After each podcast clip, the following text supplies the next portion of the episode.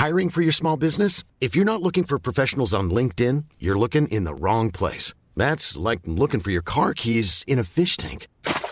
LinkedIn helps you hire professionals you can't find anywhere else, even those who aren't actively searching for a new job but might be open to the perfect role. In a given month, over 70% of LinkedIn users don't even visit other leading job sites. So start looking in the right place. With LinkedIn, you can hire professionals like a professional. Post your free job on linkedin.com slash people today.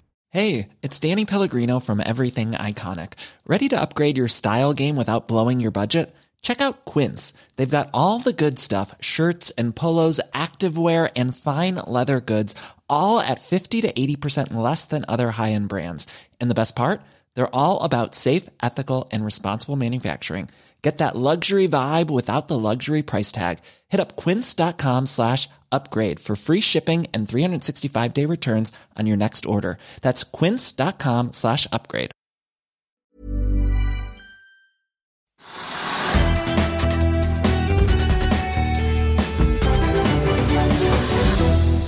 Hei og velkommen til Økonominyhetene. I dag har vi Lundin og Kongsberg Gruppen med oss i sendingen, men vi skal også høre litt om helgens motormagasin. Men først en nyhetsoppsummering. Hovedindeksen på Oslo Børs beveger seg rundt null og har den seneste uken falt ca. 1,3 Resultatsesongen fortsetter. I dag har bl.a. Scatec, Polite, Orkla og Kongsberg Automotiv lagt frem tall.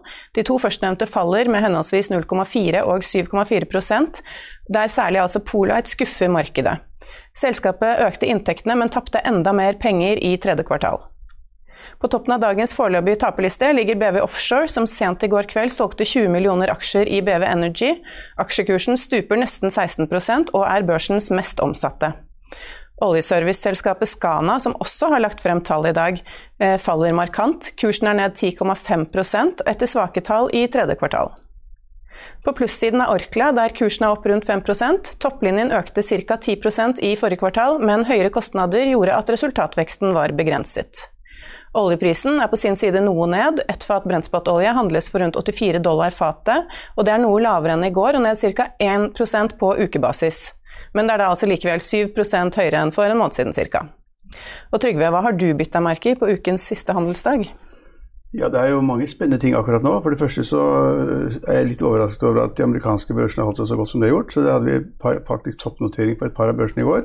Og de andre holdt seg oppe ganske bra. Og, men nå ser vi liksom tegn til at det er litt skummelt. fordi at eh, i sånne store selskaper som Amazon og Apple osv. Der regner man at kursene faller ganske kraftig i dag. Og gjorde det også i går. Og det er fordi at disse supply chain-tingene At man får ikke tak i varer, man får ikke tak i råvarer, man får ikke tak i chips særlig da fra Kina og andre steder. Og, de varene man trodde man hadde, som da ligger i et, et eller annet sånn lastefartøy ute i en havn i Los Angeles eller hvor det måtte være, de får man ikke inn, og det kan ta uker. Og Nå blir folk så nervøse for det at de da måtte begynne å, å, å shorte aksjene og kvitte seg med aksjene, fordi de regner med at dette vil vare lenge. Dette er ganske komplisert. altså Jeg driver i båtbransjen også, der får man ikke liksom de motorene man skal ha. ikke sant? Man får ikke de delene man skal ha. Og Dette angår nå hele verden. Når man kommer da fra små selskaper i Norge eller middelstore selskaper i Sverige, eller at de største selskapene Amerika har, så er det problemer med altså, leverandørsiden. og det, det, det står inn på, i aksjemarkedet, tror jeg, så det, det er litt skummelt. Så Det er det ene jeg har lyst til å si. For det er ganske viktig at man skjønner det. altså Hva er det som skjer? liksom? Jo, du skjønner at bilene får ikke chipsene sine, da får de ikke biler osv. Det det er en meget alvorlig sak. Og så syns jeg altså da at det er liksom en del aksjer som det er litt morsomt å kommentere. For, altså vi har et selskap som Otto, som da produserer da solpanel fordi at folk nå er gærne. ikke sant? De har ikke råd til strømregningene sine. Og så må de finne på noe annet, og så kjøper de ved, og så gjør de noe annet. Også. Men det problem, problematisk er det, og så er det de mest smarte. De da kjøper sånn solcellepanel til privathus, ikke, ikke næring. Og Otto de selger som bare rakkeren. Altså, de kan liksom ikke, Vi hadde en artikkel i Finansavisen i dag eh, hvor altså, de, de, de, orker ikke ta telefonen engang, så mye bestillinger får de. Men Otto, selskapet, øker omsetningen og taper masse penger. De taper penger, mer og flere, flere de produserer av solpanelene, jo mer penger taper de, ser det ut som. Det er altså litt skummelt at det må passe Dårlig forretningsmodell? Ja, ikke, kommet, ikke den. Og så syns jeg det er også viktig å nevne da XXL, som i dag er sånn ca. flatt på børsen, men som da i går falt 10-11% da de kom med tall, hvor de viste at de som skulle være så ekspansive, så uh, gi store rabatter, slik at de fikk et volum som ingen andre hadde, de går dårlig for dem, og de selger altså mindre enn før. altså Omsetningen faller. Uh, og så de spør da liksom, hvorfor selger dere så dårlig, liksom? Jo, supply chain. De får ikke de syklene de hadde regnet med budsjettene sine, som de har fortalt markedet om. Og nå skal vi selge massevis av sykler i hele sommer og i høst. Og så har de ikke fått noen sykler. Det sa de i sommer, og de sier det nå igjen. Og det er en ganske dårlig tegn. Altså så det tyder på at, liksom, at de ikke har de marginene de skal. Så de, har de en butikk eller et selskap eller en avdeling i Østerrike går kjempedårlig, som de sikkert ikke burde etablert engang. fordi at liksom, altså Ingen kommer til Østerrike noen gang, ingen vet hva som foregår der. Danmark og Sverige kan vi forstå, vi kan forstå til dels Tyskland også rundt oss. Men kommer du liksom ned i de, de, mindre landene der, det er det vanskelig å følge med, tror jeg. Så Der tapper de masse penger, og så klarer de ikke å selge sykler, og så klarer de å gå omsetningen ned. Derfor er, er, var da aksjen ganske kraftig ned i går, men ligger flat i dag. Så Det er altså ganske interessant å se på. Og så er det Norwegian er en liten oppgang i dag. Fordi de har kommet av metall, som da var ganske ålreit, tjente litt penger. Og de har tatt gjelden. Det er det som, det som er så fantastisk morsomt. altså Den prosessen de var igjennom, da. Som konkursoppgjørsmodell. Eh, nesten konkurs. Der fikk de, altså de ble kvitt, Hvis jeg husker tallene rett, så ble de kvitt et eller annet sted mellom 60 og 70 milliarder kroner i gjeld. Og nå har de nesten ikke gjeld i det hele tatt, det er en halv milliard eller noe sånt nå. Og nå fighter de da mot, uh, mot uh, Flyr og mot, uh, mot SAS. Og det er en tøff kamp, og de sier i avisen i dag at at uh, nesten alle selskaper, men særlig fly, da, gir da sånn billigturer til nesten alle steder til 175 kroner eller 195 kroner. Og Det presser prisnivået for alle selskapene, også for Norwegian. Men likevel, til tross for at det, er åpenbart et prispress de innrømmer at de har, fordi det er mange konkurrenter på samme, så flyr de samme rutene til Bergen og Tromsø og, og, og Stavanger. Uh, så til tross for det, til tross for det ganske negative utsikter, til tross for at man ikke vet helt hvordan driften vil være, så er kursen opp 5 fordi at man tenker at Norwegian får det til, for de har ikke noe gjeld. Og Den gjeldsproblematikken er så alvorlig. og SAS jeg husker ikke hva tallet eksakt er, men la oss si at det er en gjeld på 30 milliarder. Det er helt, helt tåkete. Og Norwegian hadde gjeld på 60-70 milliarder, jeg tror det var nærmere 70 milliarder kroner. og Det kunne de ikke leve med. Hadde de ikke blitt kvitt gjelden, så hadde de gått konk. Og de klarte da å konvertere gjelden til aksjer, ikke sant, mange flere aksjer i selskapet. Og så fikk de inn Jon Fredriksen. Så det er en del av de ting som skjer på Oslo Børs som man faktisk forstår faktisk forstå på det. Og Hvis jeg skal ta siste eksempel, så er det Ardal Fosse Kompani som har vært opp 7-8 i dag.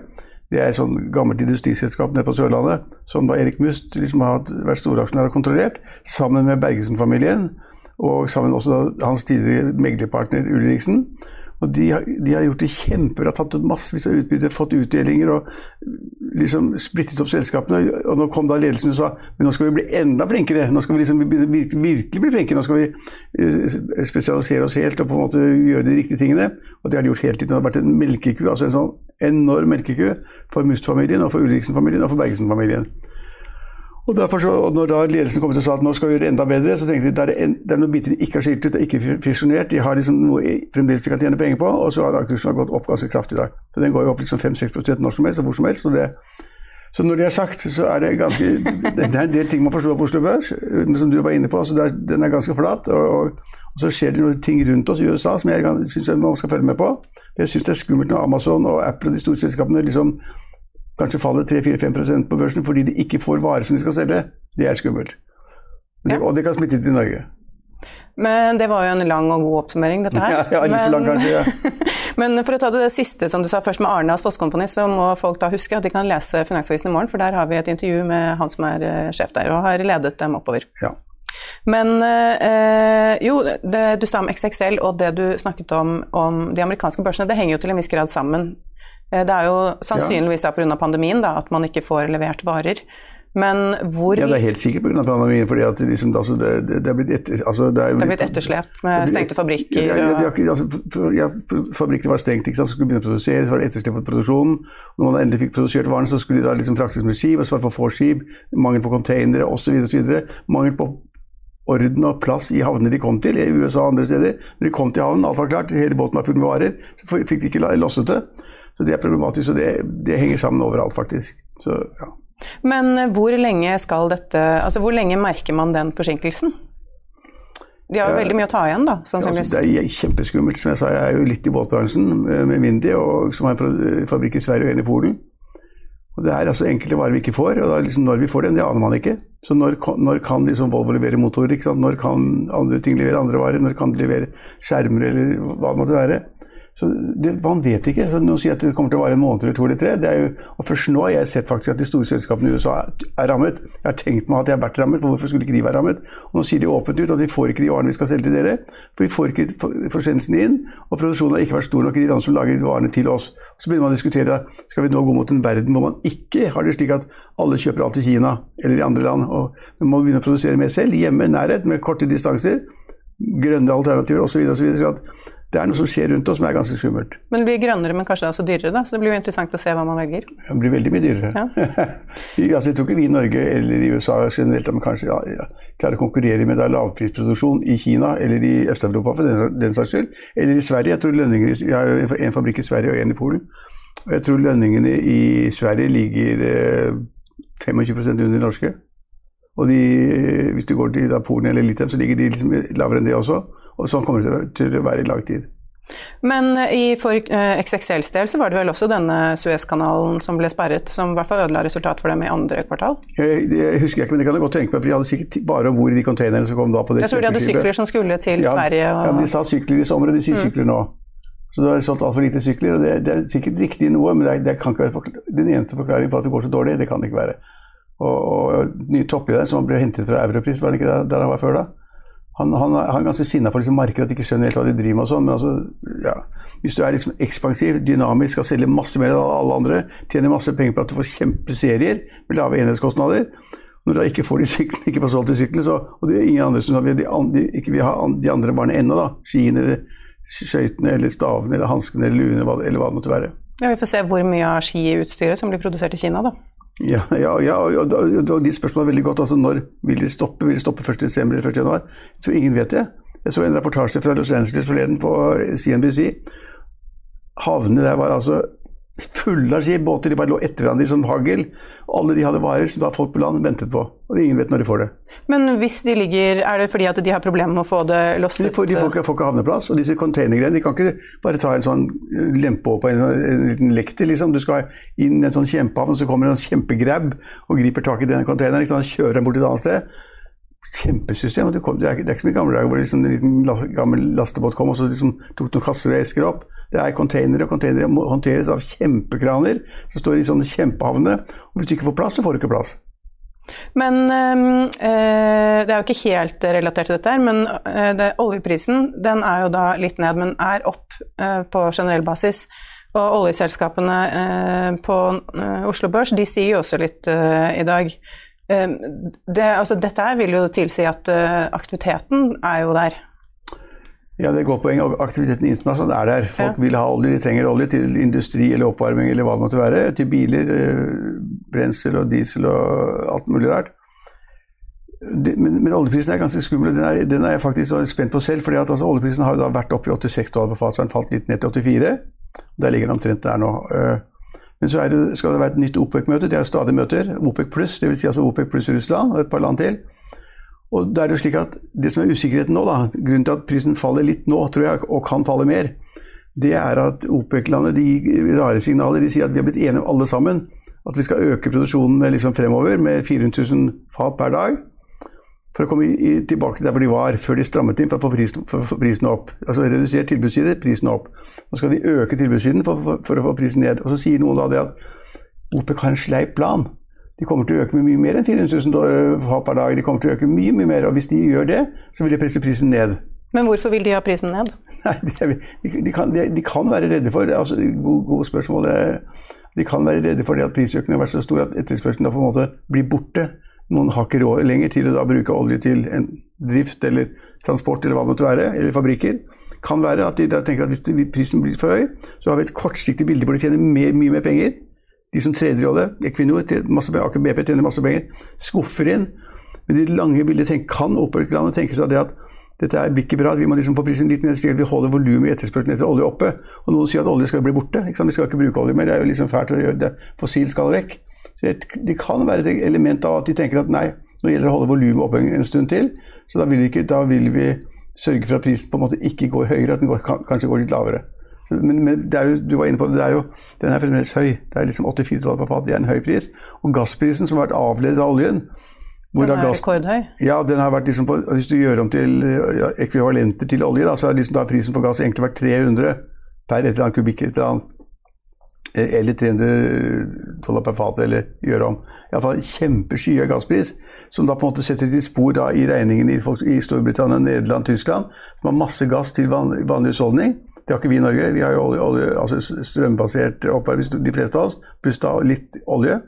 Bioolje, kanskje. Mm.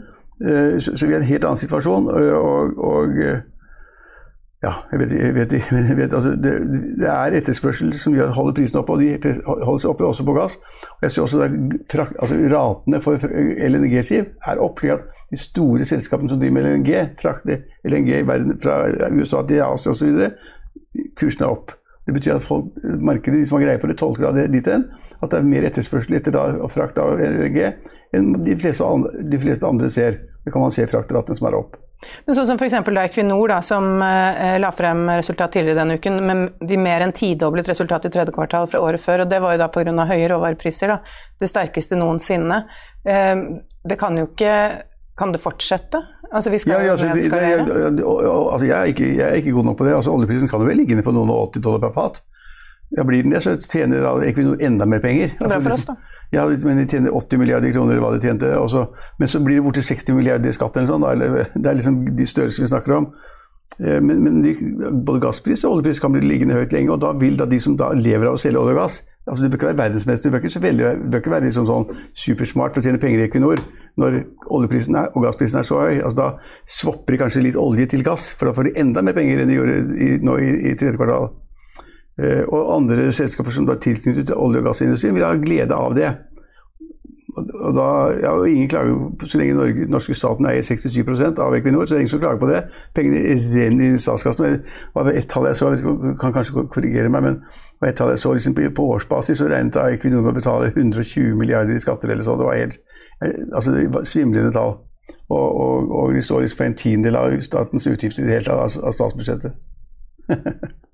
Men apropos da råvarepriser, med en annen type råvarer, så la Orkla frem eh, tall i dag som var gode. Men de tynges jo da av eh, altså de har, Orkla har vært et selskap som har gjort det bra gjennom eh, pandemien, fordi de har hatt da typisk de varene ja, de, de, hadde de varene folk kjøpte i Norge. De ja, ja. kjøpte kaffe og kjeks og Ja, ja, det var det eneste man kjøpte.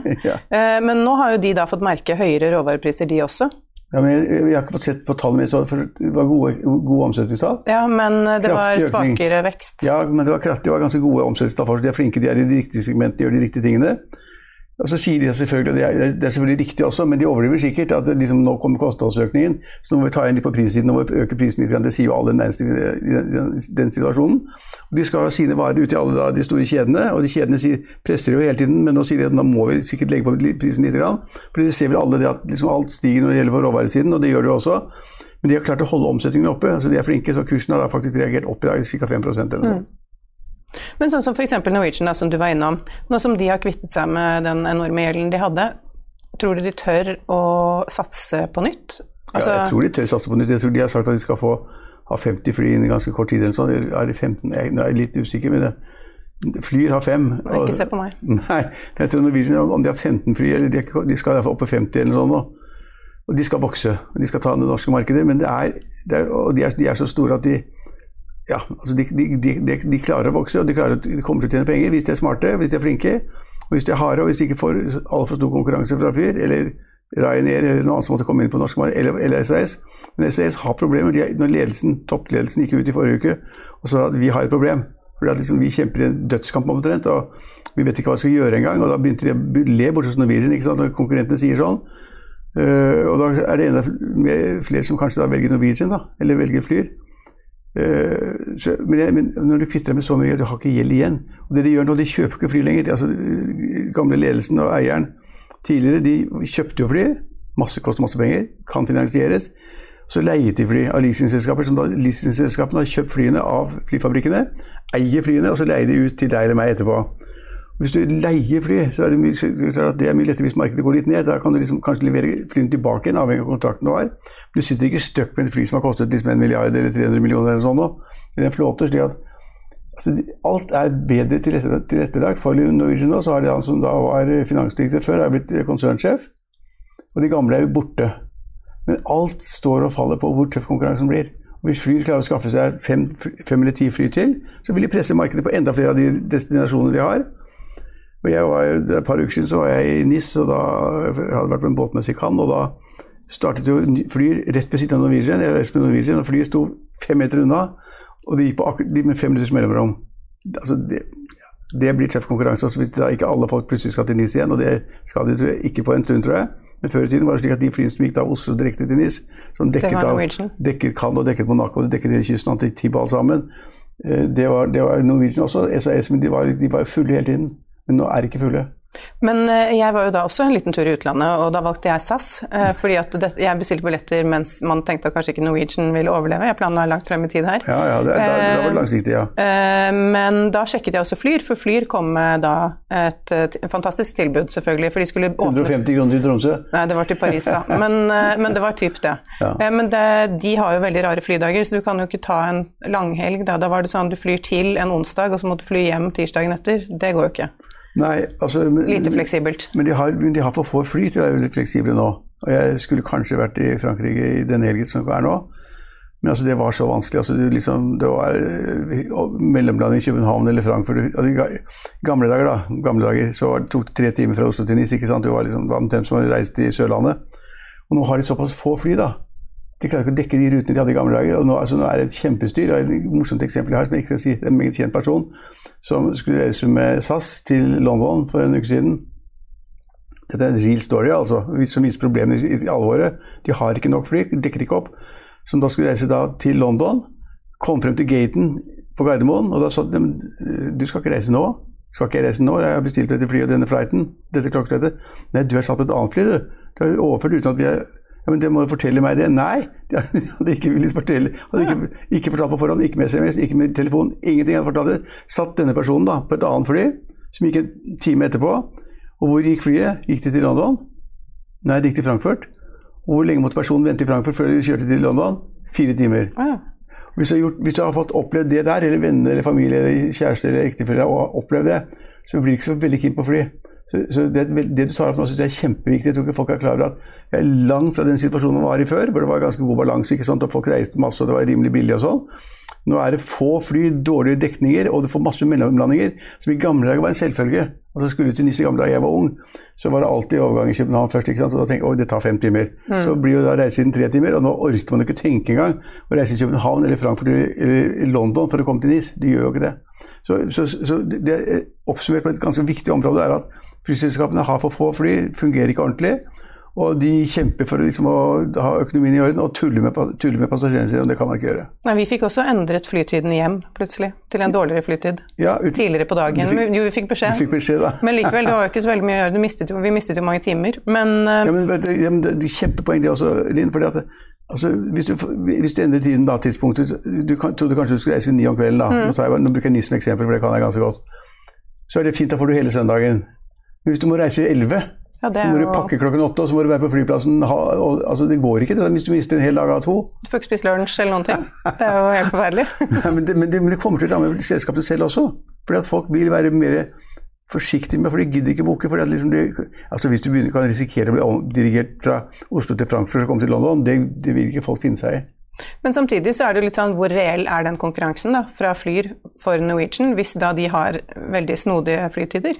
Selv om de er billige, så gidder jo ikke folk å kjøpe det. At de sender jo tilbud fly i morgen til London da, for 275 kroner. Det ser jo folk, og så tenker de da orker jeg ikke betale 3000 i reis. Det blir konkurranse, du presser prisen ned, snittnivået går ned. Det er jeg helt sikker på. Så, så flyselskapene er overhodet ikke ute av problemene de har. Og det kjempestore problemet som ligger i den andre enden, er det at skulle markedet tas opp bli litt bedre, så er det så mange flyselskaper i verden som har tusenvis av fly. som står og ruster ned på, på, forskjellige steder, flyplasser i verden rundt. Og Hvis du da trenger et fly, så må du ta en telefon til et leasingselskap eller noen andre, og så får du ti fly i løpet av en uke. Satt på spissen. Og, og, det, og det, det, problemet med den, altså, alle de flyene som ikke har kommet i jobb ennå, det ligger der. Samtidig som det er piloter som, da, som, som demonstrerer foran Stortinget. For SAS vil ikke ha dem tilbake igjen, fordi vi har piloter som er billigere et annet sted fra. Men vi får håpe at de flyene ikke har rustet i stykker, da, mens de har stått der. jeg tror det er ganske strenge, strenge, strenge vedlikehold av de flyene, det tror jeg. Men de er der. De er der, og det er Flybransjen tror jeg ikke noe på, men vi kan iallfall oppsummere det med at Norwegian da var oppe i dag rundt 5 fordi de kom med noen gode tall, og fordi de sier de riktige tingene. Men samtidig så klaget da toppledelsen om, og det syns jeg de overså folk helt. De klaget sånn at priskonkurransen er helt urimelig. Vi skjønner ikke hva de driver med. Altså De setter priser som ikke vi skjønner, og så må vi nødt til å tilpasse oss. Det kommer til å skade oss alle, sier de. Men samtidig, altså det er jo ikke så veldig unaturlig. da, altså De hadde da et overskudd eh, på 1,6 milliarder i tredje kvartal i år versus da 4,8 milliarder i minus i fjor. Det er jo ikke akkurat noe som vil ja, altså, jeg er ikke sikker på om den overskuddstallet er så Det kan være mye rart. Det kan være valutagreier, det kan være tilbakebetaling fra Boeing på altså, altså, på driften tjente de i hvert fall ikke det. Men apropos valuta, ehm, så er jo da den norske kronen ganske sterk for tiden. Ja. 9,7 mot euroen. Ja. Ehm, tror vi at det kommer til å holde seg sånn? Er dette et blaff? Nei, jeg tør ikke Jeg, jeg, jeg kan, kan, ofte og av og til være aksjeekspert, men valutaekspert tør jeg ikke være offentlig, for det er, er, er, så komplisert. Men noen sier jo det at hvis altså oljeprisen holder seg høy, da, nå er den altså på 84 dollar på fat, eller høyere, så vil det presse altså Da vil kronekursen bli sterkere. Og så er det noen som sier at det har ingenting med oljeprisen å gjøre i det hele tatt. Så den effekten at vi har sett en sterkere krone samtidig med at oljeprisen er høy, den korrelasjonen er egentlig ikke der. Det henger ikke sammen. Eh, det er inflasjonen og bekjempelsen av inflasjon og rentenivået og sentralbanken gjør som avgjør det der og alt annet, og handel osv. Men jeg syns det ser, ser, ut som at øh, norske kroner har vært etterspurt fordi at norsk økonomi går skitbra. Altså Vi har liksom høy vekst, lav ledighet, kommet over pandemien som et av de landene best i verden. Vi har jo ingen syke omtrent, og ingen ligger på sykehus. Vi har kommet veldig langt, og det går bra. og Olje- og gassprisene er opp, og folk ser at vi er et, vi er et råvareland. Og så tenker de at det landet der, der vil kanskje renten bli satt opp. Og da vil kanskje folk etterspørre kroner, men da høyere renter. så det er en sum av mange ting. altså. Det, det ser ut som det holder seg ganske bra. og Jeg, jeg tipper grovt så jeg tipper at krona styrker, styrker, seg mer enn de, de 9,75 eller 9,73 de ligger på nå. Ja, for vi skal jo da ha Er det fem rentehevinger som skal til her? Det sier de, og noen mm. sier enda mer. Jeg, jeg er ikke så sikker på det, men, men, men ja. ja. Jeg er litt, litt, på linje med Jan Andreassen, som er ofte gjest hos oss i Eika-gruppen, som sier at dette er helt sjukt. Altså, Norges Bank må ikke sette opp renten, de må sette den ned. Ja, For å få det ordentlig i gang? ja, for å mene at det er litt skummelt. Ja, Man kan jo ødelegge hvis man går for hardt ut. da. Ødelegge ja. farten i økonomien. Hvis verden plutselig endrer seg rundt oss igjen. Men, hvis renten ikke blir satt opp, og ligger, ligger på rundt null, da nå er det en kvarting pluss, pluss en kvarting, og inflasjonen er 4% eller 3% eller hva det måtte være, så er det jo negative realrenter, da. Ja, jeg er jo veldig for en lav rente. Håper at eh, sentralbanksjefen hører på nå. Jeg er veldig for en høy rente. ja, Men vi har ulike utgangspunkt. Jeg, jeg syns de, de, å få 0,4 rente i banken er ganske lite. På den annen side, ha det i banken, det er ikke noe risiko. Er, alle, alle, kan jo si til meg at Trygve, du er helt teit som har penger i banken. Jo, med inflasjonen vi har, så har du negativ avkastning. og det kan ikke, Jo, det er kjempefint. for alle har sett i Norge nå at i løpet av det siste halvåret så har halvparten av de grønne aksjene på Oslo Børs falt 50 Altså, det skal man i hvert fall ikke drive med. Nei, men for oss som har boliglån, da, så er ja, men Du betaler jo 1 eller 2 rente, Linn. Det er jo ingenting. altså Det er bare surr. Også med de høye strømprisene på toppen av det. Ja, det er problematisk. Ja. Det, er, det, er, et alvorlig problem. Det, det, men det skjønner alle nå. Alle, alle er bekymret, og alle ser på det. Og så er det ikke så mye man kan gjøre. Så kommer da den nye, den nye regjeringen kommer da med enkelte tiltak. ikke sant? De kommer til å kutte noen avgifter. eller Øke bostøtte for de som trenger det. Ja. ja, men Det er 60 000.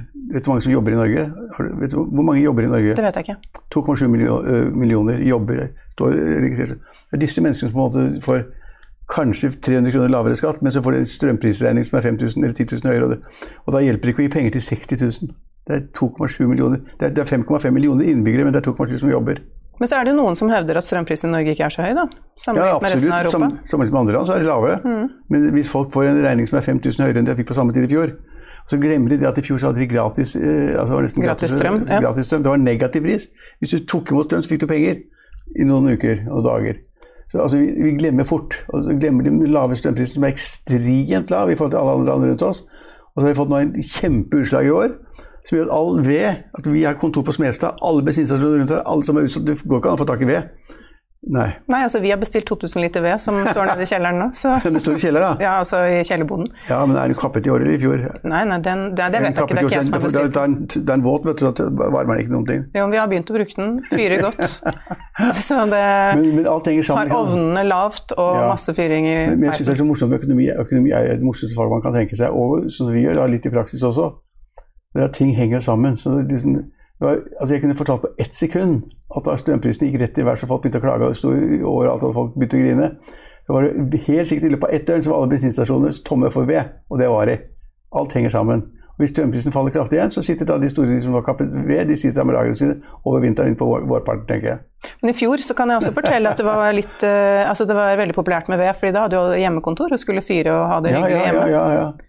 Så da skaffet vi oss peis. Ja, men det er, det er kjempeskummelt. Det er jo peis det er så skummelt med av, avtrekk og greier og sånn. Og peis gir bare 10% av varmen inn i rommet til deg. ikke sant? 90 går på pipa, sier de som er slemme. Men det er veldig hyggelig og veldig varmt. veldig hyggelig. veldig hyggelig. ja. Ja. Men var det noe mer du tenkte på? Nei, det var i kjempespennende. Det, det skjer en del ting, man bare passe litt på. Passe litt på i USA for tiden, faktisk. Hvis, hvis de mellomstore, det vi kaller mindre, da, selskapene i USA, blir engstelige for hva som skjer med Amazon og, og Apple og de andre store selskapene Og så glemte vi kanskje å snakke om Facebook, som endret navn. Ja, som endret navn. Og da gikk verdiene rett opp. Det har ikke skjedd ennå, det skal skje 1.12. eller noe sånt nå. Hva er det? Met? Med? Mel? Meta. Meta. Mm, ja. Det er ikke Mel, det er nye, det er den nye justisministeren. ja, det er det. Emilie, Mehl. Emilie Enger Mehl. Men det heter Meta. Meta. Ja, og det, men det er ikke i effekt ennå, men da markedet fikk den beskjeden, så tenkte de kanskje at åh, alle problemene for Facebook er borte, og de skal endre seg, skal endre holdninger. Kanskje, jeg har ikke peiling, jeg. Men verdien gikk opp. Ja. Vi får se hvordan det går. Ja. Ja. Millions of people have lost weight with personalized plans from Noom, like Evan, who can't stand salads and still lost 50 pounds. Salads, generally, for most people, are the easy button, right? For me, that wasn't an option. I never really was a salad guy. That's just not who I am. But Noom worked for me. Get your personalized plan today at Noom.com. Real Noom user compensated to provide their story. In four weeks, the typical Noom user can expect to lose one to two pounds per week. Individual results may vary. I'll see you in court. Vi sier det ofte litt på spøk, men for deg som driver business, er det aldri moro å innse at du ikke har laget en 100 gyldig kontrakt. Du bør ikke risikere hele firmaet ditt fordi du synes dette med kontrakter er litt stress. En avtale er ikke en avtale. Du kan miste kunder, miste venner, ja, til og med miste inntekter om du ikke lager en skikkelig kontrakt, på alt mulig, egentlig. Men vi vet det er et styr. Kopimaskiner, tregprinter og haugevis av papir. Dessuten stoler vi jo på folk her i landet. Det er ofte litt kleint å skulle be om en signatur for alt mulig, ja, for mye av styret handler også om jakten på underskriften. Det finnes en enkel måte å løse dette på, Dukkobit, en trygg, effektiv og get this, gratis måte å sikre seg en god natts søvn pluss en juridisk bindende avtale. Dukkobit-appen har de strengeste sikkerhetskrav i bunn, samt en EU-godkjent og sertifisert teknologi. Framover vil det bli behagelig å spørre du, skal vi skrive under på det, eller? Kom i gang på dukkobit.no. Og nå skal vi over til eh, Lundin, som er ute med ferske kvartalstall. Og for andre gang på ett år så kjøper oljeselskapet eierposisjon i det kommende oljefeltet Wisting i Barentshavet.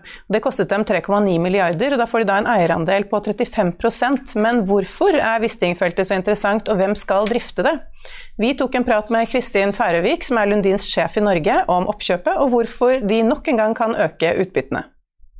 Kristin Færøvik, eh, administrerende direktør i Lundin Energy Norway. Takk for at du er eh, med oss. Jeg tenkte på å begynne med denne Wisting-avtalen. Dette er jo andre gang dere kjøper dere opp i dette feltet på et år. Eh, Hva slags potensial og hva er det dere ser i dette feltet som gjør at dere nå investerer såpass mye penger i dette? Mm. Det er jo et kvalitetsprosjekt, og som vi sa når vi gjorde den første Eh, kjøp av den første andelen, så, så, sa vi jo det at vi skulle gjerne ønsket oss mer, men det var det som var til salgs den gangen. Og nå er vi glad for at vi har uh, kunnet øke andel, eierandelen vår i, i Wisting. Det er et nytt, uh, spennende prosjekt som åpner opp en ny del av Barentshavet, ny infrastruktur. åpner alltid opp for potensialet for å utvikle mer ressurser. Det, det senker jo terskelen for hva slags uh, prospekter man kan lete på. Og så er det da um, et, et, prosjekt som passer veldig godt inn i porteføljen vår. Både, både, tidsmessig i forhold til investeringsprofilen, og ikke minst uh, i forhold til når produksjonen uh, er planlagt å, å komme i drift. Så har det også andre kvaliteter som passer i porteføljen vår, nemlig lave utslipp. Det er jo en veldig viktig parameter for selskapet med den strategien vi nå har satt oss med å være karbonnøytral fra 2023. Ja, Da er det vel ikke aktuelt å investere noe annet enn det som kan elektrifiseres, sånn som Wisting skal. Men strategisk da, var det sånn at dere egentlig så på ting på hele norsk sokkel, eller var det viktig for dere å få noe i Barentshavet, nå som eh, disse Altagota-funnene som dere jo gjorde, ikke har blitt til det store feltprosjektet som dere og mange hadde håpet på? Vi, vi er alltid på jakt etter gode muligheter på, på norsk sokkel. Um, så er det selvfølgelig uh, lettere å sette seg godt inn i og evalu kunne evaluere uh, kvaliteten i et prosjekt vi allerede er inne i. Så vi hadde jo et, uh, et forsprang der i forhold til altså i, i hadde vi jo begynt å bli, bli kjent med. Um, sånn at det var ganske lett for oss å gjøre en verdisetting av, av det prosjektet. Nå har vi vært inne i det i noen måneder og satt oss godt inn i det. Uh, vi ser også at det er god fremdrift i prosjektet. Um, konseptvalget, altså milepælen som vi kaller DG2 i prosjektet, er rett rundt hjørnet. og det nå uh, går mot full, full fart mot PUD-innlevering i slutten av neste år. Dere sitter jo på lisenser i, eh, i nabolaget rundt uh, Wisting også. Uh, dere beskriver det som et nytt kjerneområde for dere. Blir dette en slags sånn arvtaker for det Alta Gota kunne blitt, hvis det var mer ressurser der?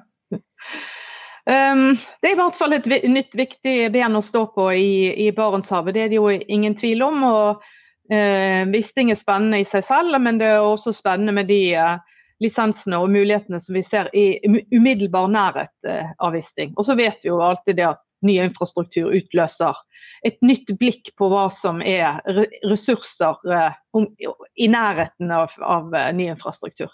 Ja, ikke sant. Men hvordan blir det egentlig? Altså, opprinnelig var jo planen at OMV, dette østerrikske selskapet, skulle både bygge ut og drifte Wisting-feltet. Så overlot de utbyggingen til Equinor, men eh, skulle da fortsatt være operatør i driftsfasen. Når dere nå kjøper OMV sin andel, er det da dere som blir operatør eh, når feltet er ferdig? Da ber jeg om forståelse for at dette er veldig ferskt. Eh, og Vi har ikke kunnet ha noen dialog med de andre lisenseierne i forkant av annonseringen av denne dealen. Så nå skal vi selvfølgelig sette oss ned og, og ha gode samtaler med de øvrige lisenseierne i Wisting-prosjektet. Og Så får vi komme tilbake til dette. Det skjønner, ja, det skjønner jeg veldig godt at det er tidlig. Men, men altså, dere er jo operatør på Edvard Grieg, som er et stort felt på, i Nordsjøen. Eh, så dere har jo på en måte i hvert fall organisasjonen og godkjenningene for å være det. Ønsker dere å bli operatør, da? Vi kommer tilbake til dette når vi har fått snakket med de andre eierne i lisensen. Da skal vi uh, følge med. Kristin, uh, vi må ta litt kort om tallene deres også. Dere som jo alle oljeselskapene på norsk sokkel tjener jo veldig gode penger om dagen med de prisene som er. Dere hadde også rekordhøy produksjon. Eh, og varsler nå at styret kommer til å anbefale en økning av eh, utbytte. Hvordan ser egentlig utsikten ut nå? Tror dere at dette varer ut, godt ut i neste år, eller er dette liksom kortsiktig blaff med de høye prisene og de voldsomme inntektene dere får? Vi har jo hele tiden sagt at når vi legger en, en strategi for utbyttepolitikken, så skal, så skal den være langsiktig. Eh, så, det har vi for øye. Og det er helt klart at eh, med, med de utsiktene vi har til, til god eh, produksjon, så ser vi også for oss at vi har utbyttekapasitet i tillegg til å fortsette å investere som jo eh, denne Wisting-investeringen er et, eh, et, bevis på. Ja, så Det er ikke, ikke et signal om at uh, dere tar penger av bordet på norsk sokkel som, som sådan. Det blir fortsatt et høyt investeringstempo? Overhodet ikke. Vi har fremdeles høy uh, investeringskapasitet. Kristin eh, Færøvik, takk skal du ha. Og Kongsberg Gruppen kunne i dag legge frem svært gode tall for tredje kvartal, og også fortelle om en ny bestilling fra det norske sjøforsvaret på 1,4 milliarder. Vi tok en prat med toppledelsen for å finne ut hvordan selskapet ser på situasjonen i markedet, og om den digitale satsingen som kanskje skal på børs. Konsernsjef Geir Håøy og finansdirektør Giri Skalberg Ingerød i Kongsberg Gruppen, takk for at dere er eh, med oss. Jeg tenkte vi må begynne med, med Maritim, som jo er en av eh, de to store kjernevirksomhetene hos uh, dere. Det har jo lenge vært ganske skranten på nykontrahering i markedet, som jo dere også har merket. Men hvordan påvirket dere egentlig av disse voldsomme ratene vi ser i både container, tørrlast og flere andre segmenter nå? Er det noe oppgang i bestillingene på verftene? Ja, absolutt. Det har jo vært en eh, jeg vil si, formidabel økning på kontraheringene i 2021 kontra 2020. Det nå kommer riktignok fra et lavt nivå, men eh, vi er vel oppe i en ca. 1500 skip kontrahert per Q3. Og det, der forecasten ser ut til å handle på rundt 30% pluss opp i forhold til fjoråret. da, På året totalt sett for nykontrahering. Og det er jo det er jo veldig velkomment. Det har vært eh, krevende år bak oss i forhold til nykontrahering. Og det er jo som du nevner gode rater i enkeltsegmenter som gjør at eh, flere eh, redere eh, kommer med nykontraheringer, og særlig innenfor containere har vært veldig positivt. Startet jo i fjoråret og har fortsatt inn i 2021, eh, eller ja, gått inn i 2021. vi tror kanskje også at det kommer andre segmenter fremover, men det som kanskje er eh, vel så spennende for oss akkurat nå, og vi var jo inne på det på kvartalspresentasjonen, det er offshore vind og den type høyspekk-fartøy. Ja, for Jeg fikk jo en kontrakt med, altså for to skip som eh, danske Cadeler skal uh, ha bestilt. Hvor store volumer kan det utgjøre for Kongsberg Maritime fremover, disse installasjonsskipene og serviceskipene til Havvind? Altså, på kvartalet nå så var jo 20% av ordreinngangen er jo relatert til eh, offshore vind. Um, og så uh, tenker jeg at det vil øke fremover. Um, og det er som sagt store pakker, for det er høyspekka fartøy, altså komplekse fartøy, som egentlig omfavner hele skåpet til Kongsberg Maritime. Alt fra, altså fra bro til propulsion. Uh, så er vi heldige å få hele det integrerte systemet vårt, så er det betydelig eh, ordre for Kongsberg. Kandeler var jo i størrelsesorden 449 millioner euro. Eh, og Det er jo en relativt stor pakke for oss eh, for, for, den type fartøy. Så jeg tenker at den prosentvis vil øke eh, fremover når det gjelder ordreinntak på, på offshore vind. Uh, dere leverer jo avanserte systemer med mye elektronikk, uh, og dere har jo virksomhet uh, over hele verden. Hvordan påvirkes egentlig dere av de, den voldsomme skvisen som mange er i på, på logistikk og leveransekjeder nå? er det sånn at ting blir forsinket hos dere også? Nei, jeg, jeg, har, Per i dag så har vi ikke hatt store at det, det, har ikke satt stor påvirkning på leveransene våre.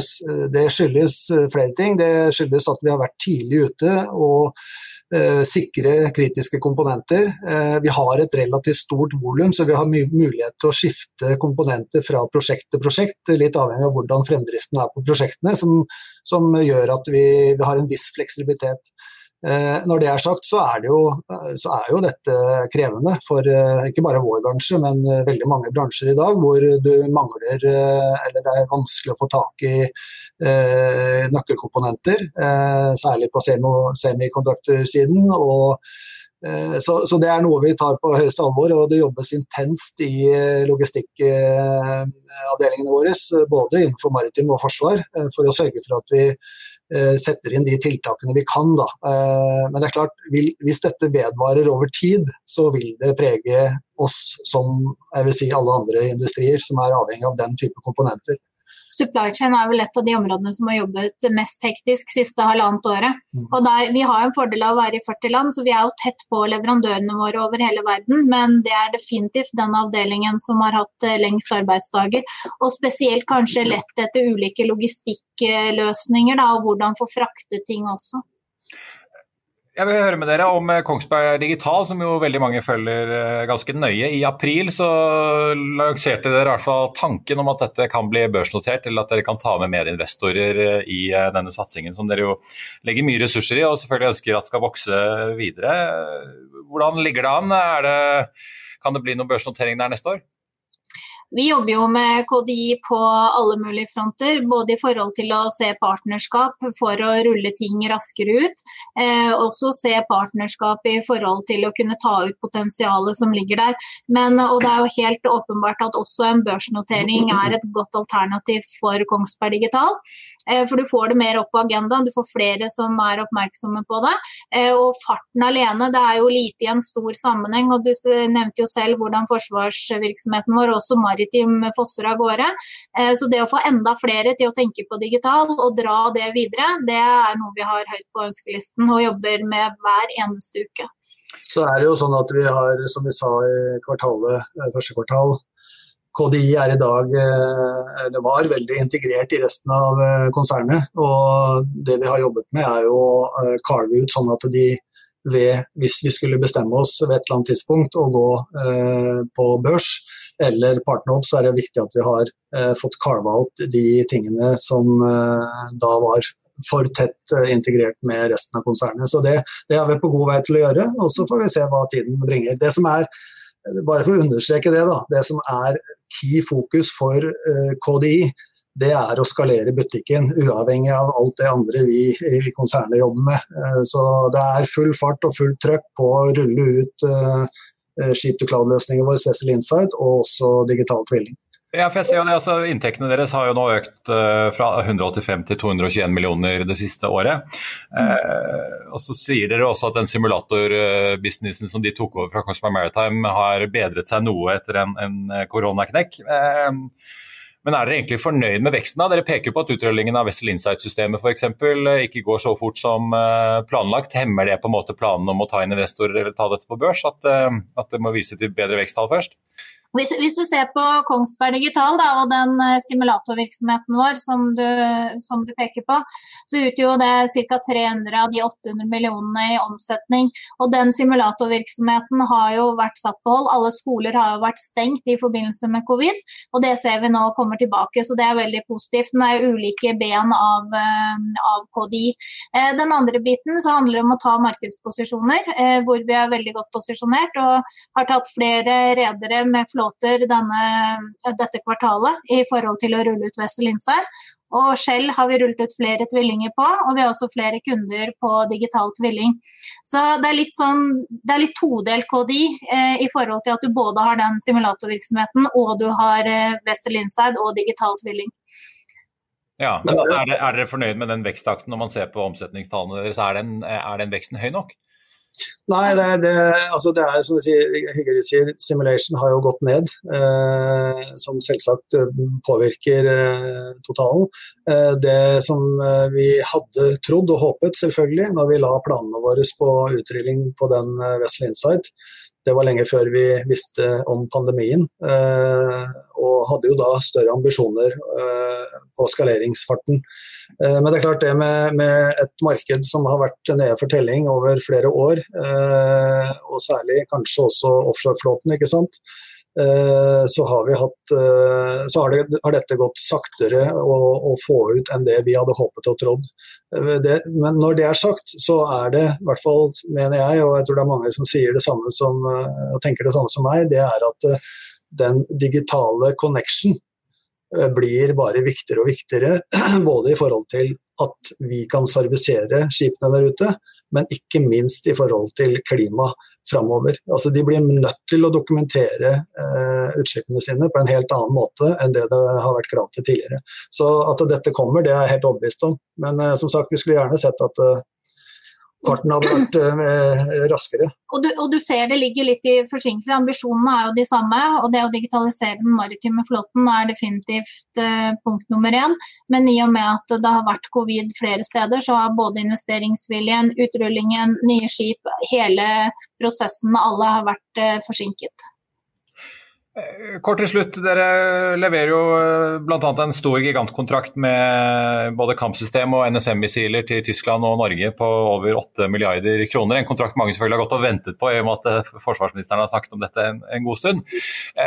Men altså, nå har dere jo en veldig stor ordrebok på, på forsvar. Er det sånn at dere venter på flere store avklaringer som kan gi store kontrakter nå fremover, eller handler det primært om å, å fylle på de leveransene dere har og, og, gjennomføre de eh, og kvittere ut de ordrene som ligger der? Vi har en veldig solid ordre backlog, eh, som du sier, per i dag. Eh, dette er jo kontrakter som det ligger mange års arbeid bak å sikre. Eh, det er lange eh, si, prosesser for å komme dit eh, og, endelig konkludere på f.eks. Tyskland-Norge-kontrakten. Det som er positivt i Kongsberg Defence and Aerospace, er at vi har en betydelig pipeline av prosjekter og programmer som er identifisert, og som vi kontinuerlig jobber med hele tiden. Så Slik som vi ser det, så er det fortsatt en solid pipeline på prospekter og prosjekter. Eh, innenfor egentlig alle kjerneområdene våre innenfor forsvar. Så vi er positive til at eh, det skal fortsette å komme ordre på forsvar. Og så er det Karakteren til forsvar er jo at det kommer litt i bulk, og når det først kommer, så er det gjerne store ting. Og så kan det godt gå noen kvartaler før vi får neste store. Men jeg er veldig positiv til, til videreutviklingen av forsvar. Og så skal vi selvfølgelig sørge for å levere på den backloggen vi har, da. Og vi har fått noen allerede på fjerde kvartal. Så fjerde kvartal kommer jo til å se bra ut, det òg, med avtalen med Joint Strike Missile med norske forsvaret. Den, den ligger jo på neste kvartal igjen. Ja, den tikket inn i oktober, så den får vi ta ja. nyåret i regnskapet da. Takk skal dere ha, Geir Håøy og Giri Skalberg Ingra. Og I morgen er det lørdag, og det betyr en ny utgave av Finansavisen Motor. For å finne ut hva du kan glede deg til av bilstoff, tok kollega Marius turen ut på plassen utenfor kontoret her for å høre hva motorredaksjonen kan friste oss med. Håkon Sæbø i FA Motor, dette er den bil eh, mange har eh, ventet på. Ikke Model 3, men Model Y. Med femseter, riktignok. Men eh, det er jo klart, vi må jo finne ut av hvordan den her er mot konkurrentene. Vi har kjørt den mot Volvo XC40. Det kommer litt senere. Og da i tillegg Volkswagen ID4 med firehjulsdrift, altså den GTX-versjonen. Nå skal vi samle litt andre konkurrenter, litt ting som ligner. Da blir det luksus fra Audi Q4. Og selvfølgelig eh, Enyaq Skoda, som er en, en eh, familiebil. Veldig mange er nysgjerrige på, tror jeg. Men vi har jo eh, i morgen den eh, artige saken her. Kongen av kongen, men ikke Rolls-Royce, for dette er det er kinesisk. Eh, det er ikke sofistikert som en Rolls-Royce, faktisk langt derifra. Kjøremessig veldig mye spennende. Jeg vet ikke hvor mye jeg skal avsløre. Jeg tror man bare må eh, hoppe inn i saken og lese den enten på nett eller på papir i morgen. Da. Men eh, det er jo noen betraktninger rundt hva er det som gjelder, hva er dette her for noe eh, når det kommer til størrelse, bruk. Den er jo utrolig stor. Stor som en GLS eller en BMW X7. Og det tror jeg mange kommer til å like, i hvert fall når man ser på prisen. Fra 620 000, 820 med vinterhjul, sånn som den her er. Eh, masse utstyr, luftig luft i seter, eh, elektriske seter overalt. Du kan få seks seter eller syv seter. For de som syns kinesisk doning på over fem meter blir for stort, skal vi ta en titt i bagasjerommet her, eller? Ja, skal vi bare gjøre det? Spørsmålet er nå, holder dette, eller må man opp på Model X? Det er faktisk et godt spørsmål. Nå kommer det jo en ny utgave av Model X som ikke så altfor lenge, med det der snedige rattet. Det gleder jeg meg til å teste. Men altså, dette her er jo det er ganske dypt. Eh, her er det plass til mye greier. Ja, det er slett ikke dumt. Eh, det var jo litt prat om dette med nyttelast.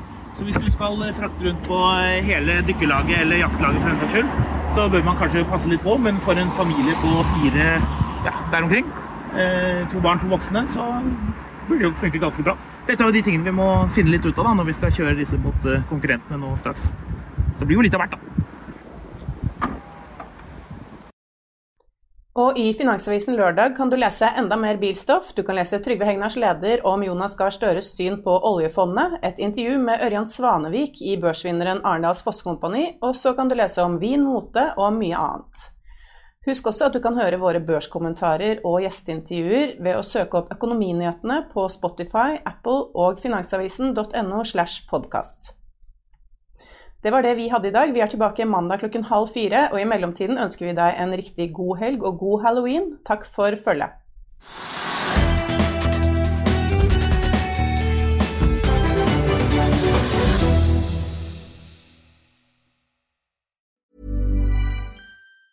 Even on a budget, quality is non-negotiable. That's why Quince is the place to score high-end essentials at 50 to 80% less than similar brands. Get your hands on buttery soft cashmere sweaters from just 60 bucks, Italian leather jackets, and so much more. And the best part about Quince, they exclusively partner with factories committed to safe, ethical, and responsible manufacturing. Elevate your style without the elevated price tag with Quince. Go to quince.com slash upgrade for free shipping and 365-day returns. Økonominyhetene er en podkast fra Finansavisen. Programledere er Marius Lorentzen, Stein Ove Haugen og Benedikte Storm Bamvik. Produsenter er Lars Brenden Skram og Bashar Johar. Og ansvarlig redaktør er Trygve Hegnar.